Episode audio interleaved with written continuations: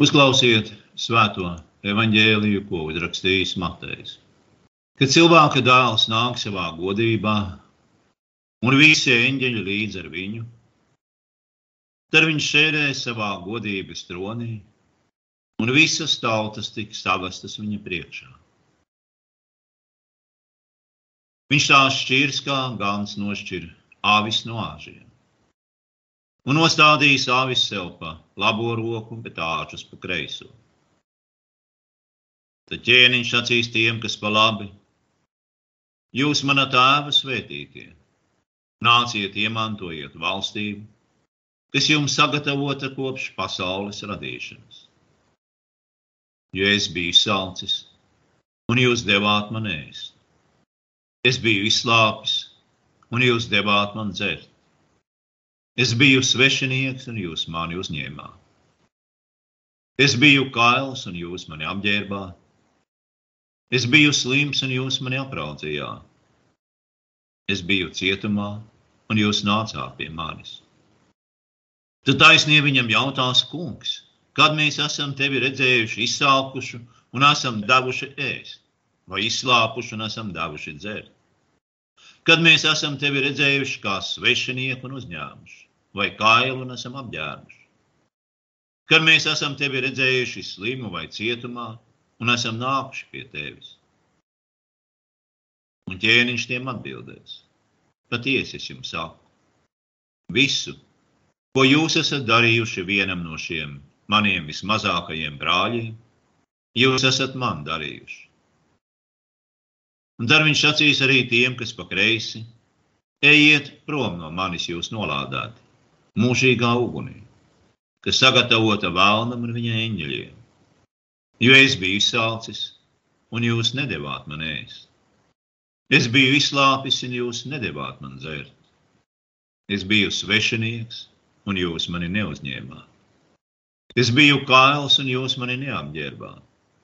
Es biju slims un cietumā, bet jūs mani neapraudzījāt. Tad arī tie viņam jautās, kungs, kad mēs tevi esam redzējuši izsalkuši vai izslāpuši, vai kā svešinieku, vai kailu, vai slimu, vai cietumā, un esam tev kalpojuši. Viņš tiem atbildēs: Patiesi es jums saku, ko jūs nesat darījuši vienam no šiem vismazākajiem, to jūs nesat man darījuši. Un tie ies mūžīgā sodībā, bet taisnie mūžīgā dzīvībā. Āmen. Kā katru gadu, tojoties baznīcas gada beigām, mums jārunā par Dieva tiesu. Šī dienas teksts šajā sakarībā ir ļoti svarīgs, jo tajā pats mūžīgais tiesnesis mums gari stāst kā viņš tiesās pasauli, ja visas tautas.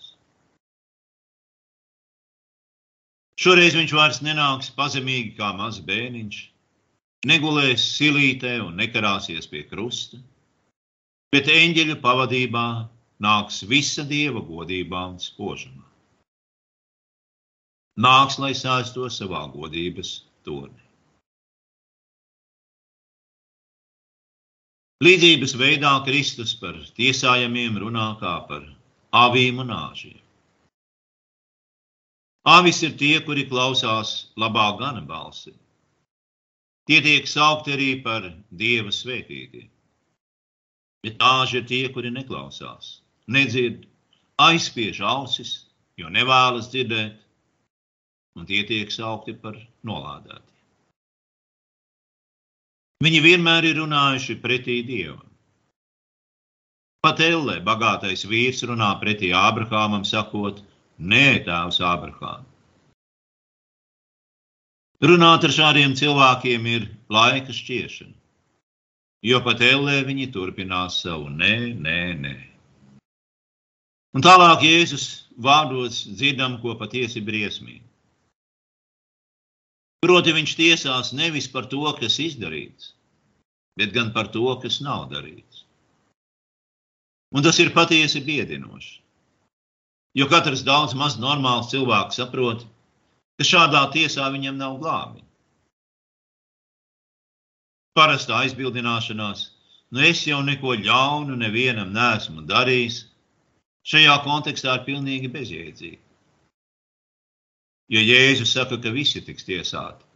Nevis par to, ko darījuši, bet par to, ko vajadzēja darīt, bet kas netika darīts. Nu, ļaudis mēdz arī sacīt, nu es jau neesmu nekāds liels grēcinieks. Nē, es. Cik daudz nabaga kristiešu esi paēdinājis, padzirdījis, uzņēmis savā mājā, apģērbis, apmeklējis cietumā, slimnīcā. Un, ja neesi, tad Dieva tiesas spriedums skan, ejiet prom no manis, jūs nolādēt, mūžīgā ugunī, kas sagatavota vēlnam un viņa eņģeļiem.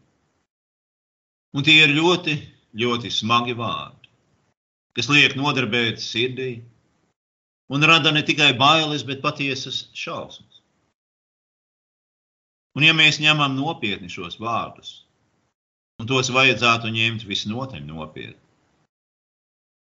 tad mēs saprotam, kādēļ Lutheriskās baznīcas tēvi blakus taisnošanai no ticības lielāko tiesu laika veltīja mācībai par bauslību un evaņģēliju un atgriešanos no grēkiem.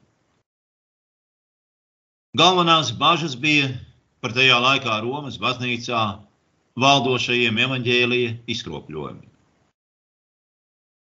kas burtiski apraka Kristu ar maldīgu mācību par grēknožēlu. Tā bija balstīta darbu taisnībā un neveda cilvēkus pie patiesas atgriešanās. Savukārt, bez patiesas atgriešanās un īstas grēku nožēlas, nevienam netiks dota mūžīgā dzīvošana debesīs. Kas tad ir atgriešanās no grēka, jeb grēka nožēla? Augsburgas ticības apliecība atbild uz šo jautājumu tieši un pilnīgi pamatojoties svētajos rakstos. Pie īstas atgriešanās pieder šīs divas lietas. Viena ir sirds satriektība, jeb grēka atziņas radītas sirdsapziņas mokas. Otra ir ticība, kas tiek saņemta no evaņģēlija, jeb absolūcijas, un kas tic, ka Kristus dēļ grēki ir piedoti. Šī ticība nomierina sirdsapziņu un atsvabina no mokām. Tālāk šis jautājums tiek pamatīgi izklāstīts un skaidrots Augsburgas ticības apliecības apoloģijā. Daudziem pat visnotaļ pareizi ticošiem un nopietniem kristiešiem tas varētu šķist kaut kas pavisam nemūsdienīgs. Ja beigu beigās tas izklausās pārāk radikāli. Turpretī apoloģijā atkal un atkal tiek atkārtotas tādas lietas, kā sirds satriektība, miesas nonāvēšana, sirdsapziņas mokas un bailes no dieva dusmām par grēku. Turklāt Luters lieto vēl stiprākus vārdus. Viņš saka, ka sirds satriektība ir vecā ādamas līcināšana, kam jānotiek ikdienas, un to pavada bezcerības pilns izmisums ka kaut kādi būtu iespējams pašam saviem spēkiem remdēt dieva dusmas. Un Luters saka, ka viena lieta ir droša.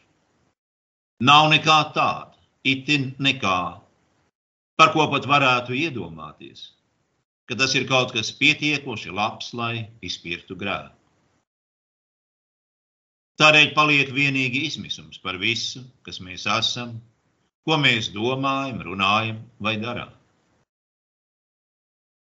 Un kad šāds cilvēks sūdz savus grēkus, tad viņa grēksūdze ir patiesa. Jo viņš atzīst, ka viss pie viņa ir viens vienīgs grēks. Otrā grēku nožēlas daļa, ticība, ir tikpat radikāla kā pirmā, jeb sirds satriektība. Mēs nesen sprediķī dzirdējām par to, kas ir ticība un ko tā dara un dod. Tādēļ es citēšu tikai vienu lietu no mūsu ticības apliecībām. Evanģēlijas. Patiesība sakot, ir pavēle ticēt tam, ka Kristus dēļ mums ir žēlīgs Dievs. Jo Dievs savu dēlu nav sūtījis pasaulē, lai tas pasauli tiesātu, bet lai pasauli caur viņu tiktu glābta. Kas tic viņam, netiek tiesāts. Tādēļ ikreiz, kad tiek runāts par žēlastību, ir jāpievieno ticība apsolība.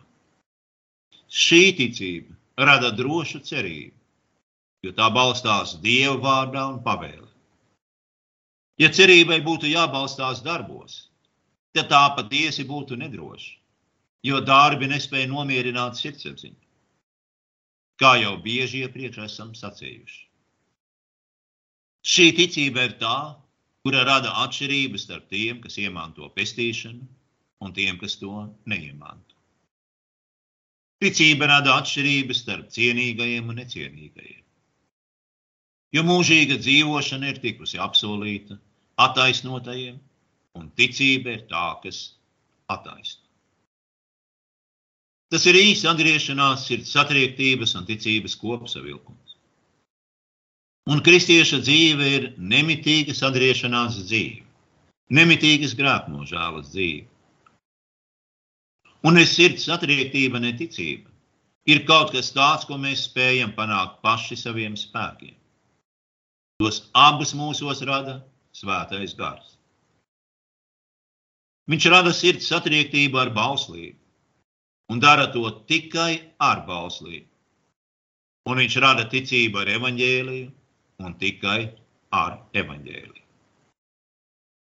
Vissvarīgākais bauslības un evaņģēlija izšķiršanā pamatojas tieši šajā faktā. Tie ir divi īpašie dieva darbi cilvēkos - izbiedēt un izbiedētos, taisnot un atjaunot. Visi raksti ir sadalīti šādos divos darbos.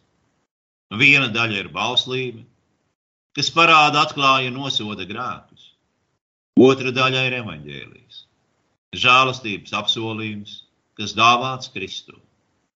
Un šis apsolījums ir vairāk kārt atkārtots visos rakstos. Pretēji tiem, kuri paļaujas uz savu darbu taisnību, lai kā tā būtu. Dieva svētītās Jēzus avis pat neapzinās savus labos darbus un ir pārsteigtas, kad Kristus to smiež. Un tas liecina, ka viņi nekādā mērā nepaļāvās uz savu darbu taisnību. Jā, tāpat nenāca tiem prātā. Protams, viņi paklausīja Dieva vārdam, palīdzēja saviem trūkuma māktajiem brāļiem, bet viņi nekad nedomāja, ka dara ko īpašu, un ka šādi tie īpaši kalpo Kristum un gūs nopelnus viņa priekšā. Citiem vārdiem sakot, šiem cilvēkiem pilnīgi trūka liekulības. Un tas nozīmē, ka viņi bija dzīvojuši patiesas grēku nožēlas un ticības dzīves. Tādas dzīves, kādas tiek mācītas mūsu ticības apliecībās. Un ko tas kungs viņiem atbildēja? Patiesi es jums saku, visu, ko jūs esat darījuši vienam no šiem maniem vismazākajiem brāļiem, jūs esat man darījuši. Jēzus iesāka ar diženu āmeni, zvērsta veidā, apstiprinot to, kas ir sacīts. Tas, ko taisnie darīja saviem mazajiem brāļiem, tika darīts pašam Kristum. Un šeit ir tā liela atšķirība. Tas, kas darīts patiesa motīva dēļ, lai cik mazs un iecīgs tas šķistu, ir darīts pašam Kristum. Un tas, kas tiek darīts Kristum, vienmēr tiek darīts ticībā. Jo bez ticības nav iespējams neko darīt Kristu. Un ticības acis vienmēr atrod mazos brāļus, atrod ļaudis, kurus pasaule nicina un kurus reti ievēro pat baznīcā, vai kas pat tiek atstumti malā. Ticības acis zina, ka Jēzus acis vienmēr ir nomodā par šiem mazajiem un vienmēr steidz tiem palīdzību. Ja rūpīgi aplūkojam darbus, par kuriem Kristus runā, tad ko mēs atklājam? Mēs atklājam, ka tie visi ir piektā balša darbi. Proti, tādi darbi, kurus pieprasa bauslis, tev nebūs slepkavot. Pats Kristus citu vietu paskaidro šo bausli, sakot, ka tas nozīmē nedusmoties uz savu tuvāko, bet izturēties pret viņu draudzīgi, kalpot, palīdzēt un darīt viņam labu, kad un kā vien viņam vajadzīgs. Un tā ir jāizturas arī pret tiem, kuri šķiet nav mīlestības un labo darbu cienīgi. Kādēļ Kristus runā tieši par šiem darbiem, kurus jau kaut kādā mērā un dažreiz pat vairāk nekā kristieši dara pat arī pagātnē. Ir acīm redzams, ka Kristus šeit runā tikai par tiem, kuri sevi uzskata par kristiešiem. Jo, kā jau tika sacīts, neticīgais nevar darīt neko tādu, ko Kristus uzskatītu par viņam darīt. Tātad Kristus runā par to, kā tiesas diena atklās patiesi ticīgos un liekuļus, un tie tiks nošķirti. Vieni mūžīgai dzīvošanai kopā ar savu kungu, otri kopībai ar vēlnu Elē. Luters šeit plaši runā par cilvēku nevēlēšanos uzturēt baznīcas, skolas, mācītājus un tos, kuri gatavojas šim amatam. Viņš saka, ka ja viss vēl nav sabrucis, tad tikai pateicoties mūsu priekšteču dāsnajiem ziedojumiem. Jo šajos pēdējos laikos cilvēkus pārņem tik apkaunojošs ļaunums, kā nepateicība mīļajiem evaņģēliem kas tos atbrīvojas no pāvestības gūsta un mokā. Nu, viņus pārņēmusi nevairs cilvēciska, bet īsti vēlnišķa nežēlastība. Kas attiecas uz sava laika šķietami reliģisko pasauli, tad Luters saka, visa pasaule ir nekam nederīgu, neusticamu, ļaunu neliešu pilnu. Tādi algāģi, slinki amatnieki, kalpi, kalpones un visi diedelnieku bars, kas domā tikai kā pieēsties. Un visās malās ar meliem un krāpšanu aplaupa un apzog nabaga ļaunis, kuri pelna savu iztiku ar sviedriem un asinīm. Šie nelieši paliek nesodīti, turpinādami rīkoties patvaļīgi un turklāt vēl būdami lepni. Tiesas dienā viņi tiks atklāti un stāvēs debesu un visas radības priekšā, lai saņemtu pelnītu sodu. Jo nav darījuši nevienu no darbiem, kurus pat pagāni dara savējo labā. Kas attiecas uz laicīgo varu, tad viennozīmīgi skaidrs ir tas, ka visai likumdošanai un visam valsts darbam vispirms un galvenokārt ir jārūpējas par slimajiem un masturīgajiem un arī par mazajiem bērniem. Tiem, kam palīdzība ir visvairāk vajadzīga. Tomēr tik akla un cietsirdīga ir pasaule. Pati savām acīm redzēdama, cik daudz ļaužu jau ir miruši un ikdienu mirst. Tā tomēr neredz un neņem to vērā, bet droši turpina dzīvot savā ļaunumā. Tāpat arī dzirdēdama par briesmīgo tiesu. Pasaule tomēr atstāja neievērotu gan Kristus mierinājumu, gan viņa piemēru. Tā rīkojas bez jebkādas žēlsirdības. Pasaulē vienkārši negrib panākt neko citu, kā Kristus soļa krēsla priekšā, dzirdēt briesmīgo un nepārsūdzamo spriedumu. Un tajā pašā mirklī no Kristus klātienes tika iemesta mūžīgajā ēles ugunī. Tā tas ir ar pasauli. Bet tu, mīļais kristieti, rūpējies par to, lai tu būtu to vidū, kuri Kristus dēļ ir labi un žēlsirdīgi, vai arī pat paši cieši. Un tā tu varēsi ar prieku sagaidīt pastaro dienu, un tev nevajadzēs bīties no tiesas, jo Kristus jau tagad ir tevi no tās atbrīvojis un piepulcinājis tiem, kas stāvēs pie viņa labās rokas. Tiesas dienā tad Kristus tev sacīs: Nāc, svētītais, mana tēva valstībā. Āmen!